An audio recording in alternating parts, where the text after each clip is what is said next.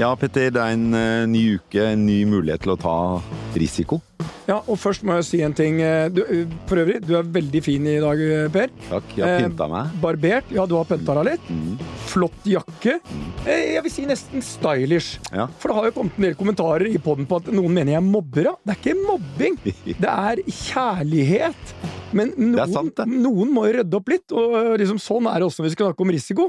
Det er ikke mobbing når jeg sier at du er risikoavers. For det hadde jeg et utmerket eksempel på i går. Nå skal ikke jeg, siden jeg har fått uh, det. Ja, nei, nå, de, de, nå, må du ikke dele detaljer. Nå, nå, kjenner jeg at jeg blir litt nervøs her, Petter, fordi her må vi ja, men Nervøs og mobbet det er ikke noe bra utgangspunkt eh, for å være den offensive, legendariske redaktøren som du har eh, vært i en årrekke før du kom inn i Storm. Men det å ta risiko har vi litt ulike innfallsvinkler til, vil jeg tro. Ja, Vi skal jo prate om risiko i dag. Vi skal det. Elsker det. Eh, du elsker ikke risiko like mye, og eksempelet i går, da brukte jeg, da la jeg en liten ting ned på bordplata, ja. og så sa jeg eh, så for at dette, vi er enige om at dette er verdien av den. Men du klarte ikke å få deg til å putte noen av de penga dine på bordet for å få den marshmallowen som var én. Jeg sa den marshmallowen der, den er fem marshmallower om, om tre år. Men du ville heller passe på den ene lille marshmallowen. Ja, du ville ha den ene lille marshmallowen din! Som en grådig treåring som ja, bare må det ha den riktig. ene.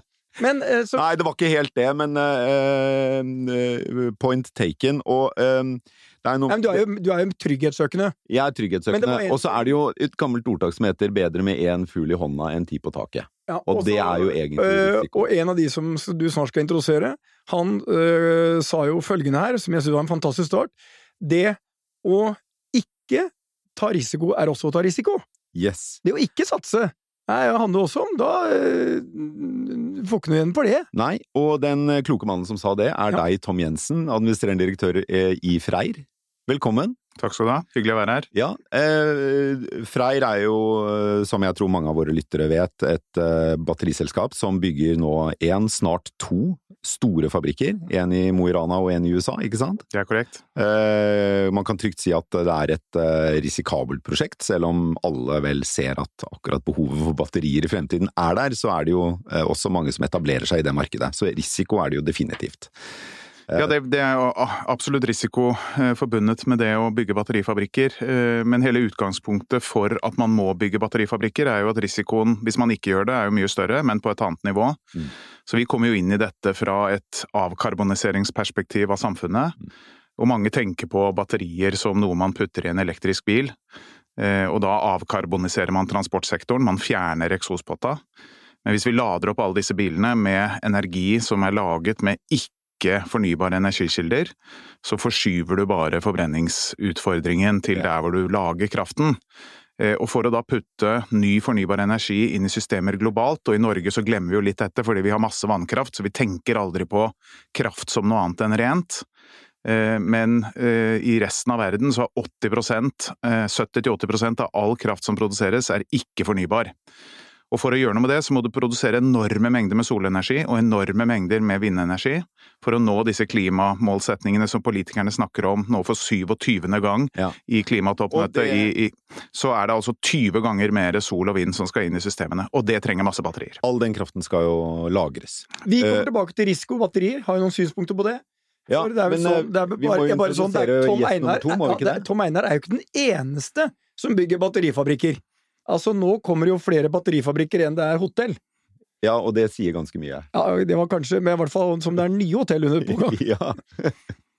Eh, fordi gjest nummer to er ja. Bjørn Mannsverk. Velkommen til deg også, Bjørn. Ja, takk for det. Du er jo kjent for veldig mange som mentaltrener for Bodø-Glimt. Eh, du må jo ha gjort en del riktig der, for det er jo en fotballklubb som, mens du har vært mentaltrener for laget, har gjort det helt fantastisk både i norsk fotball og i europeisk fotball.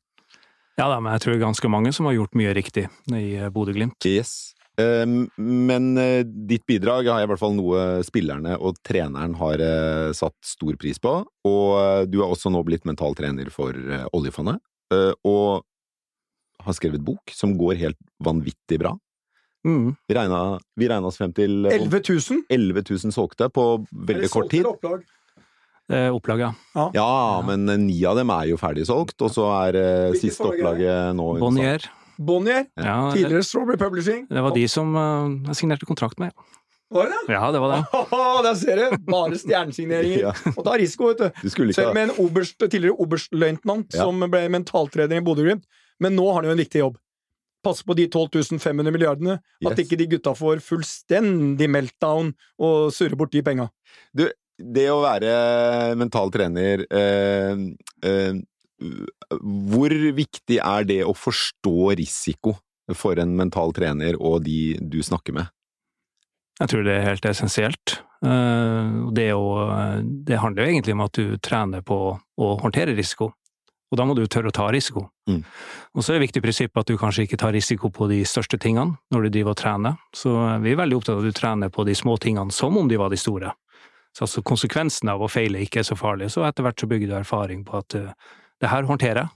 Det her håndterer jeg ganske bra. Du får empiri, og da kan du gyve løs på litt større ting er hele poenget å identifisere når du tar risiko, hva som er risikoen, hva du risikerer hvis det går gærent. Hva er clouet med å trene seg opp? Jeg tenker at du kan godt kalle det risiko, men jeg tror når folk kjenner at de går ut av komfortsonen, så er du i ferd med å ta risiko. Og det å gå ut av komfortsonen tror jeg ikke alle forstår. Og, men jeg tror, jeg tror, de aller fleste syns det er ubehagelig. Så det er jo et godt tegn. Og, og det er jo. Å gå ut av komfortsonen gjør jeg hver gang jeg møter Petter. Ja. Og ellers så gjør du det aldri. og ellers så gjør jeg det aldri. Ellers så beveger du deg på den smale sti. Men, men altså, jeg syns dette er veldig spennende, også fordi det handler jo Og nå har jeg vært gjennom et par kriser, men det er jo en viktig del av hele mentalgreiene er jo også å forstå hva kan du faktisk gjøre noe med, og hva kan du ikke gjøre noe med, og hvordan skal du forholde deg til det? Mm. For det, det er jo mange som på mange måter faller litt sammen av ting de faktisk ikke kan gjøre noe med. Ja, det er helt riktig. Og det er jo eh, altså, grunnprinsippet. Altså, man snakker man skal ha fokus på ting, ja. men å ha fokus i seg sjøl er irrelevant. Du må ha fokus på de riktige tingene, og de tingene du faktisk sjøl kan gjøre noe med. Mm. Så du må alltid stille deg spørsmålet hva er jeg bruker tid og energi på. Kan jeg gjøre noe med det? Hvis du ikke kan gjøre noe med det, så må du faktisk jobbe med å ikke bruke tid og energi på det. Det der syns jeg er ekstremt viktig. Men vi må eh, det, det, Dette her blir det, altså, Risiko og sånn syns jeg er fantastisk.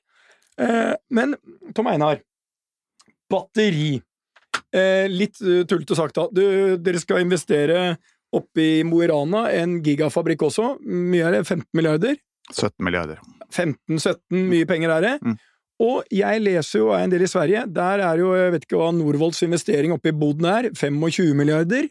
Uh, og det er jo gigantsatsinger. Jeg hører om det i Gøteborg. Jeg tipper det er fire-fem store batterifabrikker uh, under uh, oppbygging eller realisering i Sverige, og det er vel fire-fem i Norge? Fire? Ja, altså det er, mange, det er mange initiativ i hvert fall, og det er ja. mange på en måte annonseringer og påstander om bygging av batterifabrikker. I, I Europa er det vel mer enn 50 initiativ på gigafabrikker. Eh, det som er helt sikkert, er at minst halvparten av de kommer aldri til å klare det. Eh, for dette er ganske krevende. Eh, du skal ikke bare ha store mengder kapital, men mange av disse forretningsmodellene krever flere tusen mennesker som skal læres opp i det å produsere batterier. Du skal sikre deg råmaterialforsyning, du skal ha kunder på plass, du skal finansiere opp alt sammen. Så det er helt sikkert sånn at alle disse initiativene kommer ikke til å bli realisert. Så kommer til å bli de som klarer å på en måte ha en risikojustert forretningsmodell, da, for å bruke et fancy begrep, eh, som på en måte investorer klarer å eh, se verdi i. Det er de som kommer til å klare det. For du må som sagt, eh, Petter, hente titalls milliarder for å kunne klare å ha stordriftsfordeler i produksjon og det er ikke rett frem. Så hvis man skal investere i et batteriselskap, Freyr er jo eksempelvis notert i New York, hvis man skal investere i Freyr, så må du ikke bare ta stilling til business case når fabrikken er oppe og stå, og i hvilken grad du, du, tror at du kan regne hjem investeringen din. Du må også investere basert på en tro på at ja, Tom Jensen og hans folk, de kommer til å klare å gjennomføre prosjektet, mens eh, et annet selskap, de kommer ikke til å klare det. Så det er et bet på dere og gjennomføringsevnen. Ja, altså det, er definitivt det i tidlig fase for alle typer oppstartsselskaper. Så er det jo mye en vurdering av om de menneskene som står bak, klarer å, å komme seg over kneika. Eh, det er jo hundrevis, tusenvis av eksempler på folk som har hatt store byer og visjoner, som ikke får det til. Mm. Eh, vi har kommet godt i gang og er på en måte godt av gårde. Vi, første fabrikken vår starter jo opp rett etter jul eh, i Mo i Rana. Eh, og den andre er vi godt i gang med å bygge, og så skal vi bygge den tredje i USA. Og mye av grunnen til dette her er at du er nødt til å være stor. For hvis ikke du er stor, så har du ikke stordriftsfordeler nok, mm. og da klarer da du å ha marginene. Dyre, og... Ja, da blir de for dyre. Ja. Så, eh, så, dette er eh, Vi er godt i gang. Jeg tror ikke på fire-fem fabrikker i Sverige. Jeg tror ikke på fire-fem fabrikker i Norge heller.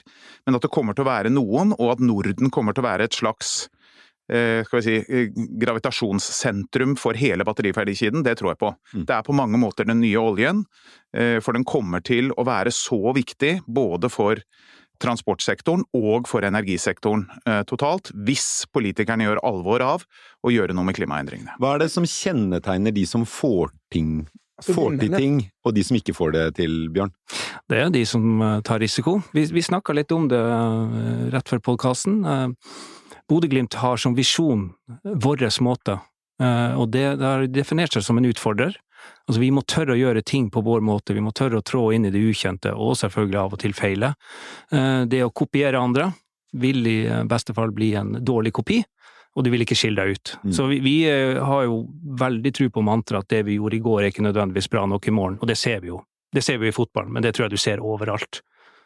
Men ligger det, ligger det i det å hele tiden stille spørsmål ved det du gjør, eh, og, og hvorfor du gjør det? Og ja, vi kan gjøre ting på en annen måte? Ja, altså Grunnprinsippet i måten vi tenker på, at vi må lære fort. Og det gjør vi med at vi har en god læring og delingskultur. Og igjen, snakk om de rette tingene som vi var inne på i sted. Mm. Uh, og det er det best practice. Det må være den organisasjonen som finner ut hva er best practice. Og så må vi ha utvikling. Og det er det Mange snakker om psykologisk trygghet nå. Mm. Eh, vi vet at eh, den kompetansen, den sitter i, eh, i organisasjonen, om det er Bodø-Glimt eller hva enn det måtte være. Den må du få aktivert. Og da, Derfor vi jobber så mye med individnivå, for å skape trygge mennesker som faktisk tør å bryte meninger, tør å stå for noe, utfordre det, det eksisterende. Og så har vi trua på at den friksjonen der, den tar oss til en bedre plass, men vi må håndtere det. Hvordan, hvordan, eh, hvis du tar en fotballspiller, eh, hvordan, du, hvordan, gir du fotballspilleren den psykologiske tryggheten? Kan ikke du gi et konkret eksempel på det? Du skal ha teknikker, du! Ja, teknikk. Gi oss noen eh, Nei, altså, triks. Jeg blir jo blir ofte møtt eh, med begrepet selvtillit. Det liker jeg ikke så veldig godt, spesielt ikke når folk definerer seg som eh, ut ifra hva de gjør. Eh, fordi går det dårlig i fotballen, så kan de føle seg dårlig som mennesker. Så vi jobber med selvfølelse. Mm. Og det handler om å bli kjent med deg sjøl. Altså, er, hvem er du? Hva er dine plusser og dine minuser? Eh, og, og bruk dine plusser, og kanskje prøve å eh, fange opp dine svakheter. Det er prestasjonsfremmende i seg sjøl. Hva er verdi, verdisettet ditt? Hva er, hva er, det som gir energi, hva er det som tapper deg for energi? Og i den grad du kan, prioritere det ene, og redusere det andre. Rent prestasjonshemmende. Og så, når du da på en måte finner ut hvem du er, tør å være deg sjøl, da. For vi har genuin tro på at du er best på å være deg sjøl. Og tør du å være det, så ser du at det funker, mm. og da tror vi siste trinnet til at du begynner å tørre å mene noe, tørre å komme med litt sånn gale ideer, eller crazy ideas, og, og gi tilbakemelding til hverandre, uten at du bryr deg så mye om hva andre mener om det, da er du, da er du... Hvordan funker dette under Nicolai Tangen i oljefondet? Jeg, jeg ser for meg liksom de som jobber der, altså konservative. Du fremstår som en rebell ja, i, forhold som, ja, i forhold til den gjengen der. Ja, de er uh... ja, de, Er det rett, eller er det bare et inntrykk? Liksom, er, det litt, er det litt konservativ gjeng der? Er de kjedelige, er det egentlig det Petter spør om, er det ikke det? Eh, det ja, det er vel kanskje egentlig det. Ja. Nei, jeg Du har jo fast jobb der, så Jeg har fast jobb der. Nei, jeg må jo si snakk om å gå inn i det usikre for min del. Altså, jeg kunne lite om fotball da jeg begynte i Bodø-Glimt, men jeg kunne altså vesentlig mindre om finans da jeg begynte i oljefondet. Men jeg har liksom trua på at folk er folk. Det er de samme mekanismene, og, og min opplevelse er at det er særdeles dyktige mennesker som jobber der. Eh, de er dedikert, eh, de, de er opptatt av oppdraget. Eh, og så har vi de vanlige tingene som vi jobber med. Eh, vi, vi snakker Tom Eine, her om eh, risiko, og det er jo ikke til å unngå at eh, innsatsfaktoren i en batterifabrikk her altså kan jeg veldig lite, men det er strøm, eller energi. Og for at du skal nå din ambisjon, så er det jo ny fornybar, eller fornybar energi, altså grønn energi. For ideen er jo at disse, hele verdikjeden skal bli grønn. Har de siste månedenes utvikling i energimarkedet totalt snudd alt på huet? For mange har det nok det, men, men, for oss har det ikke det. For vi er jo lokalisert i Nord-Norge, og skal vi si, kraftoverskuddet i Nord-Norge er fortsatt uh, er Før de legger en kabel sør? Ja, men vi har jo også sikret oss den kraften vi trenger da, for den første fabrikken, eller de første to fabrikkene. Hvor lenge da? Hvor lenge, altså? ja, I hvert fall til langt ut på 2030-tallet. Så, så, sånn sett så, så, tok vi jo beslutning om å komme dit ganske tidlig. Men tilbake til dette med, med mennesker da, og liksom risikovilje. Jeg pleier å si uh, til alle som kommer inn i Freyr, så pleier jeg å si til hvorfor er du her? Og det er litt sånn det samme som du sier, hvorfor er du her? Du må vite hvorfor du er her. Og det trenger ikke være samme grunn som meg, men du må vite hvorfor du er her. Og så sier jeg til, alltid til folk at hvis vi skal gjøre noe som ikke har vært gjort før, som vi på, tross, på mange måter er det vi gjør, så må man gjøre noe som ikke har vært gjort før. Mm. Og det er liksom en sånn veldig enkel floskel å si, men det er noe med liksom mentaliteten. Og det siste i det, som går på liksom hvordan For det handler ikke om egentlig å, å skaffe strøm, eller å skaffe råmaterialer. Alt det handler om, men det handler om de menneskene som faktisk gjør det. Og da handler det om å gi den tryggheten til de, men samtidig at de må være offensive. Og jeg pleier å si at det er lov å feile i Freyr, men det er bare lov å feile én gang på den samme tingen. Så det er en litt sånn 80-20-mentalitet. Så når du er 80% sikker, så beveger vi oss fremover. Mm. Og det betyr at vi hver femte gang i snitt kommer til å måtte rydde opp etter, etter feilene våre. Mm. Og det gjør at vi kommer oss fremover. Og det gjør også at folk er trygge på at de har på en måte en ledelse som aksepterer at man tar feilgrep. fordi at hvis du ikke gjør feil, så utfordrer du ikke grensene nok. Mm. Da er du li for lik alle andre. I fotball så er det jo veldig lett å se når en uh, fotballspiller eh, trives eller ikke. Du ser det ute på banen. Du kan ha en fantastisk fotballspiller som bytter klubb, eller får en ny trener, og så er det en helt annen spiller du ser i, i, i neste sesong. Uh, får ikke til noe som helst, uh, går liksom med duka nakke og ser utilpass ut i næringslivet eller i jobblivet ellers, så er det jo ikke like åpenbart at en person ikke har det bra, eller stoler på at uh, de sterke sidene kan brukes på en bra måte. Hvordan er det man spotter det i de ansatte? Jeg tror det handler om å være til stede, og liksom være genuint opptatt av de menneskene som er rundt en, og at man liksom sier ifra. Og så er det jo mange sånne skal vi si, systemer på eh, medarbeidersamtaler, og man tar temperatur på organisasjonen, og man har eh, si, eh, pollundersøkelser på hvordan liksom folk har det og sånn. Eh, og da er det jo hva man gjør når man får den tilbakemeldingen, som på en måte bestemmer om eh, vi si, eh, det kollektive samhandlingspositiviteten, liksom, anvendt den er der. Det er liksom ledelsens evne til å ta tak i den tilbakemeldingen man får. Mm. Eh, samtidig som man skal bevege seg fremover. Men, ja, men, eh, hvis du tar dette, mm, Bjørn, over til fotball.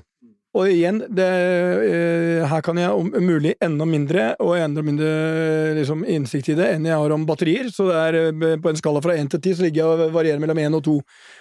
Mitt inntrykk i 1987, når jeg var sentleder på City Syd i en alder av 24 år, var jeg ble basically eh, instruert av mitt styre å støtte Rosenborg.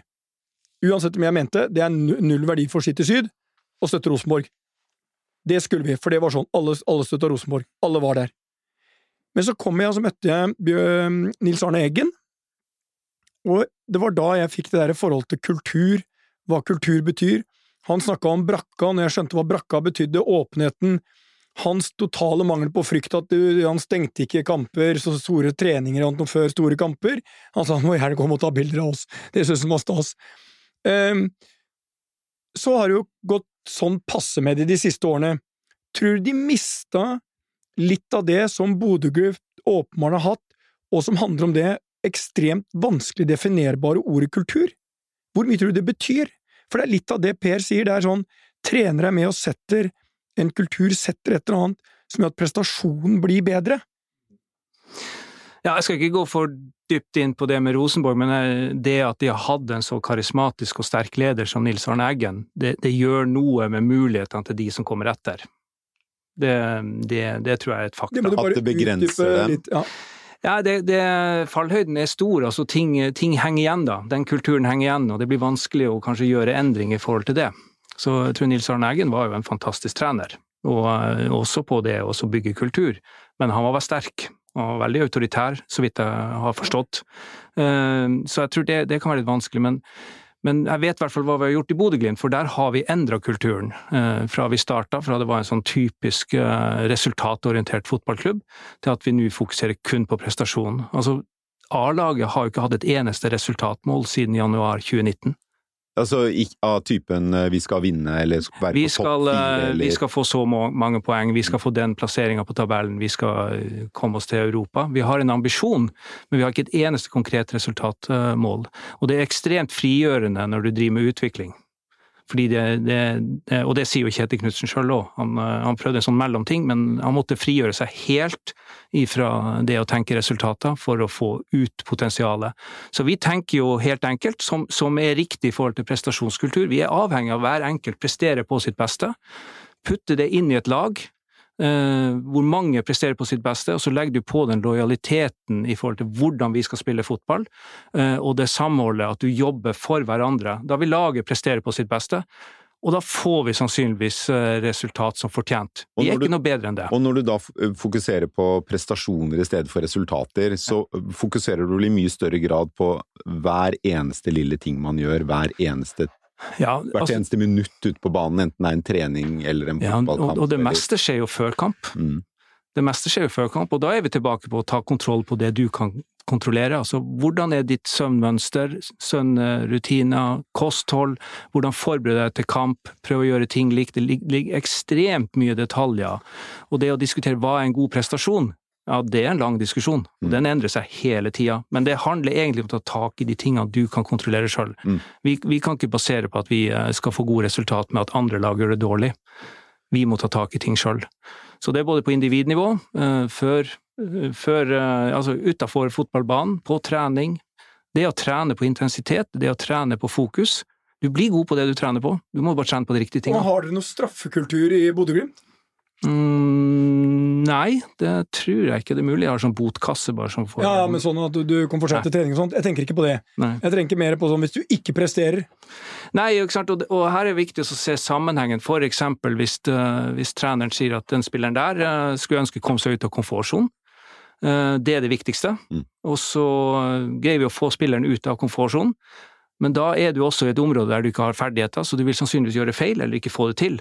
Da er det viktig å premiere at du prøver, og drite i at du ikke får Ja. det til. Litt den 80-20-regelen du viser til, Tom Einar. Men du, jeg har et spørsmål til deg. Du er børsnotert, eh, og det å være børsnotert det handler jo om eh, at du har tusenvis av aksjonærer, som egentlig, hvis man er ærlig, er opptatt av én ting, det er utvikling i aksjekursen. Og den har jo siden du børsnoterte midt under koronaen, eh, gått så der. Eller litt som Rosenborg. Eh, nå er det mulig jeg, du ser på meg og tenker at det der er feil. Eh, er, påvirker det deg mye? Påvirker det eh, selskapet og de som jobber der? Ja, altså, jeg så på deg litt sånn, fordi vi, siden vi gikk på børs, så har vi jo faktisk gått opp, da. Ja, eh, av disse, Har så, det? ja da. Ja. Så vi er jo 20% opp siden Hadde vi en gikk god på kilde børs. på dette, skal ikke si hva han heter. Nei, jeg Eh, og-. Jeg tok risiko, jeg bullshitta litt, og så, så bomma jeg. Og vi, vi har vel doblet verdien vår siden i, i fjor sommer, så sammenlignet med alle andre SPAC-selskaper som har gått på børs via den eh, skal vi si, skala, ja, så, så har vi eh, på en måte så har vi gjort det ganske bra, da. Så jeg tror vi liksom fremstår som et litt friskt pust i en sånn eh, i en orkan av eh, dårlige, Hva er børsverdien deres nå? Vi er på rundt 15 milliarder kroner i børsverdi. Så dere har jo har hatt en fantastisk utvikling. Ja, jeg syns synes vi har hatt en fantastisk når skal fabrikken åpne? Første fabrikk åpner eh, rett over jul. Eh, Da begynner vi å produsere batterier i, i vår såkalte kundekvalifiseringsfabrikk, som ligger i et, et eksisterende bygg som vi har bygget inn en ak- faktisk eh, størrelse produksjonslinje av den Hvor? eh, i Mo i Rana. Er? Så dere har én produksjonslinje for å være sikre på at eh, Funker. alt For å være funker, sikre på at det funker, for å optimalisere, for å trene opp folkene våre. Og så skal Ja. vi bygge åtte sånne produksjonslinjer i den store fabrikken, også i Mo i Rana. Den har vi også begynt å bygge, den fabrikken. Så vi har ryddet tomta, vi har puttet betong i bakken, vi har begynt å putte stål og by, Hvor mange mennesker er involvert totalt i alt i bygging og Ja, I alt i bygging så kommer det til å være en flere tusen som er involvert i selve byggingen, men når vi kommer i drift så vil det være i størrelsesorden 600-700 mennesker i den fabrikken. Og det er også noe av grunnen til at vi tror at vår løsning har livets rett. da. Eh, For mange prøver å kopiere, la oss kalle det den asiatiske eller den kinesiske batterifabrikkmodellen. Og det å tro at det liksom er en bærekraftig modell Nei, det er 2500-3000 mennesker som skal produsere batterier i 17-18 produksjonssteg, og være veldig effektive i alle de produksjonsstegene hele tiden. 24 mm. timer i døgnet, syv dager i uken. Mens vi har valgt en teknologi som også skal kjøres 24 timer i døgnet og syv dager i uken, men som er en vesentlig forenkling av hvordan prosessen fungerer. Mer automatisering? Mye mer automatisering, og mye mer behov for høykvalifisert arbeidskraft. Eh, og vi kan produsere, hvis vi får dette til på det nivået vi skal, så kan vi produsere tre ganger så mange batterier per ansatt enn det la oss kalle det en kinesisk eh, batterifabrikkmodell gjør. Og det er veldig mange av disse 50 initiativene som jeg snakket om, som prøver å kopiere den kinesiske modellen, og det har ikke vi noe spesiell tro på. Så eh, når denne produksjonslinjen er den første testlinjen da, er klar på nyåret, da vil jeg tro at både dere i Freyr, men ikke minst aksjonærene, følger veldig nøye med på hvordan det går? Ja, aksjonærene kommer til å følge veldig nøye med. Jeg hentet jo mer kapital i kapital. En av grunnene til at du gå på børs i New York, det er jo ikke fordi at eh, man ønsker seg selv vondt, eh, selv om du får ganske mye ekstra trøbbel når du gjør det. Eh, du tar jo at, risiko hver gang du henter ja, mer penger. Men det er, det, er, det er, jo for å få tilgang til verdens mest sofistikerte og største kapitalmarked. Mm. Og dette er veldig kapitalintensivt, så det var derfor vi gjorde det. Mm. Og vi hentet akkurat inn 230 millioner dollar nå natt til i går. Eh, så det viser at liksom det å være til stede der eh, og ha tilgang til verdens mest sofistikerte investorer, det gjør at man kan få hente mer kapital når man trenger å på en måte eh, akselerere og eller addere til, til vekst. Men mm. siden vi er i USA, skal jeg ta en overgang her som kanskje er litt tung, men Og det går selvfølgelig til deg, Bjørn. Du, jeg vet ikke om du har sett den derre TV-serien Billions? Nei. Det oh, var jækla synd. Ja, det sier alle. Ja. Ja. det, handler om en hedgefond-milliardær mm. som har ansatt en kvinnelig mentaltrener som skal trene disse eh, undersåttene hans til å prestere best mulig. Kunne du, du, og jeg føler at Bjørn er litt sånn den mannlige utgaven av hun kvinnelige der sånn. Du er jo Wendy Rhodes, er det ja, det ja, ja, og for det er sånn, Hun har basically uh, høy etisk og moralsk standard, det kan man ikke si om han uh, sjefen, Nei. men hun holder sin sti rimelig ren. Mannen hennes derimot er jo litt uh, Han er grisete. Ja, men Nei, han er, han er også etisk-moralsk på sin plass, men han skal prøve å ta han hedgefond. Ja, men han spiller skittent, da, han statsadvokaten. Ja, vi, vi forlater det nå, da. Du har jo åpenbart sett serien. Men, ja. men, kunne du hatt en sånn jobb? For en uh, stein rik råskinn av en hedgefondmilliardær! Petter spør om du har lyst til å begynne å jobbe for han. Jeg er jo ikke i nærheten! Nei, det tror jeg hvis det sånn som jeg forstår uh, den serien går ut på her, så er det jo et, et lite dilemma i forhold til dine egne verdier, da. Mm. Det er det. Og det, da, jeg tror det hadde vært litt vanskelig. Mm. Det tror jeg. Uh, jeg bruker å si led, ting må være lederforankra. Det handler om at du matcher litt på verdisyn, og så at ledelsen er med på reisen mm. forstår hva vi holder på med. Det, det, jeg er enig i beskrivelsen av Wendy Rhodes, men jeg vil si også en ting til som jeg syns er ganske typisk for hennes eh, stil som mental trener, er at hun er litt sånn tough Det er litt tough love. Det er litt sånn ta deg sammen-tilnærming, ja. mer enn at man skal sitte og kjenne på alt som er vondt og vanskelig. Ja. Er det en tilnærming du har også, når ja. du er i ja, ja. Uh, fordi at uh, det aller første man snakker om, er at man forstår at uh, det er du som er sjef i eget liv. Du må ta ansvar for ditt liv. Ta deg sammen er litt Nei, det, ja, du, du, kan godt si det, men altså, du må forstå det at du vil jo gjerne ta dine egne valg, men da bruker jeg det også mot deg. Men da sier jeg det er du som må ta valg, og så må du leve ut dine valg hvis du har lyst til å ta endring. Jeg, gi, jeg gir deg jo ikke noe pille mm. som fikser ting. Mm. Så, så, det kan bli ganske sånn tough talks da, i forhold til det, for, det, for jeg arresterer dem arresterer jo folk sant, på, på, hvordan de tenker og hva de mener, hvordan ting henger sammen. Jeg ser, jeg ser nå bildet at Bjørn sitter foran Nicolai Tangen og sier 'nå må du ta deg sammen'. Ja. Altså, nå må du ta deg sammen.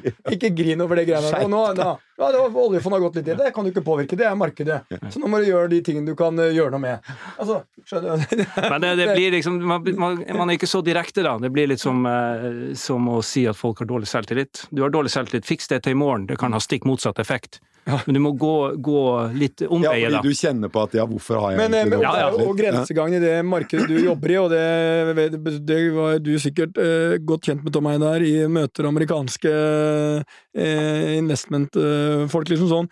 Det, det, selvtilliten de eh, har, er jo ofte mer selvgodhet enn en god selvfølelse og en trygghet og sånt noe. Min opplevelse har møtt de, at de er jo litt sånn som en del fotballspillere, som blir jævla gode. At de blir sjølgode. Mm. Så det ene er helt avgjørende, og det andre er helt ødeleggende. Mm. Uh, og du har vel møtt ganske mange av de. Har du møtt de i Bodø Group og oljefondet? Nei, det har jeg ikke. Uh, jeg må jo si at Eh, ja, litt judgmental når jeg kom inn i fotballen. Jeg tenkte at det var kanskje litt av det der, men det, det, har imponert meg. Men det handler om at de vil. De vil noe så sterkt. Så, så den, den, den, den, forsvinner ganske fort hvis det er en tendenser. Vi må runde av nå ganske bare, snart. Bare si en, ting. en ting er jo fotball, og det er spennende og morsomt, og nå er det VM og sånt nå. Og jeg har ikke sett noen særlige kamper. Jeg får med meg disse tingene som skjer på nyhetene på morgenen. Men jeg må innrømme én ting, fotball er bra, men at vi får et selskap uh, som uh, skal være verdensledende innen batteriteknologi i fremtiden, syns jeg er helt superfascinerende. Og en sånn altså gigasatsing, hva det kan bety, for vi har alle ressursene i landet her sånn, til å kunne bli en av verdens fremste på det, syns jeg er at både nordmenn og svensker, og jeg heier på begge deler, mm. syns jeg er helt fantastisk. Det er jo superspennende det ja. dere gjør oppe i Mo i Rana. Og, eh, jeg, altså, det er veldig mange som står og heier på dere utenfor ja. Eh, mentalt eller fysisk til stede utenfor den første produksjonslinja. Eh, en vi heier på oljefondet òg, vi. Vi heier på oljefondet òg. Det er våre penger, tross ja. alt. Så de må vi heie på. Ja. Eh, ok, aller, til slutt. Hvis du skal være en god presterer over tid, én personlig egenskap du trenger for å være det, fra dere begge. Start med deg, Tom Einer. Ja, du må ikke gi det. Du Så... må ikke gi det.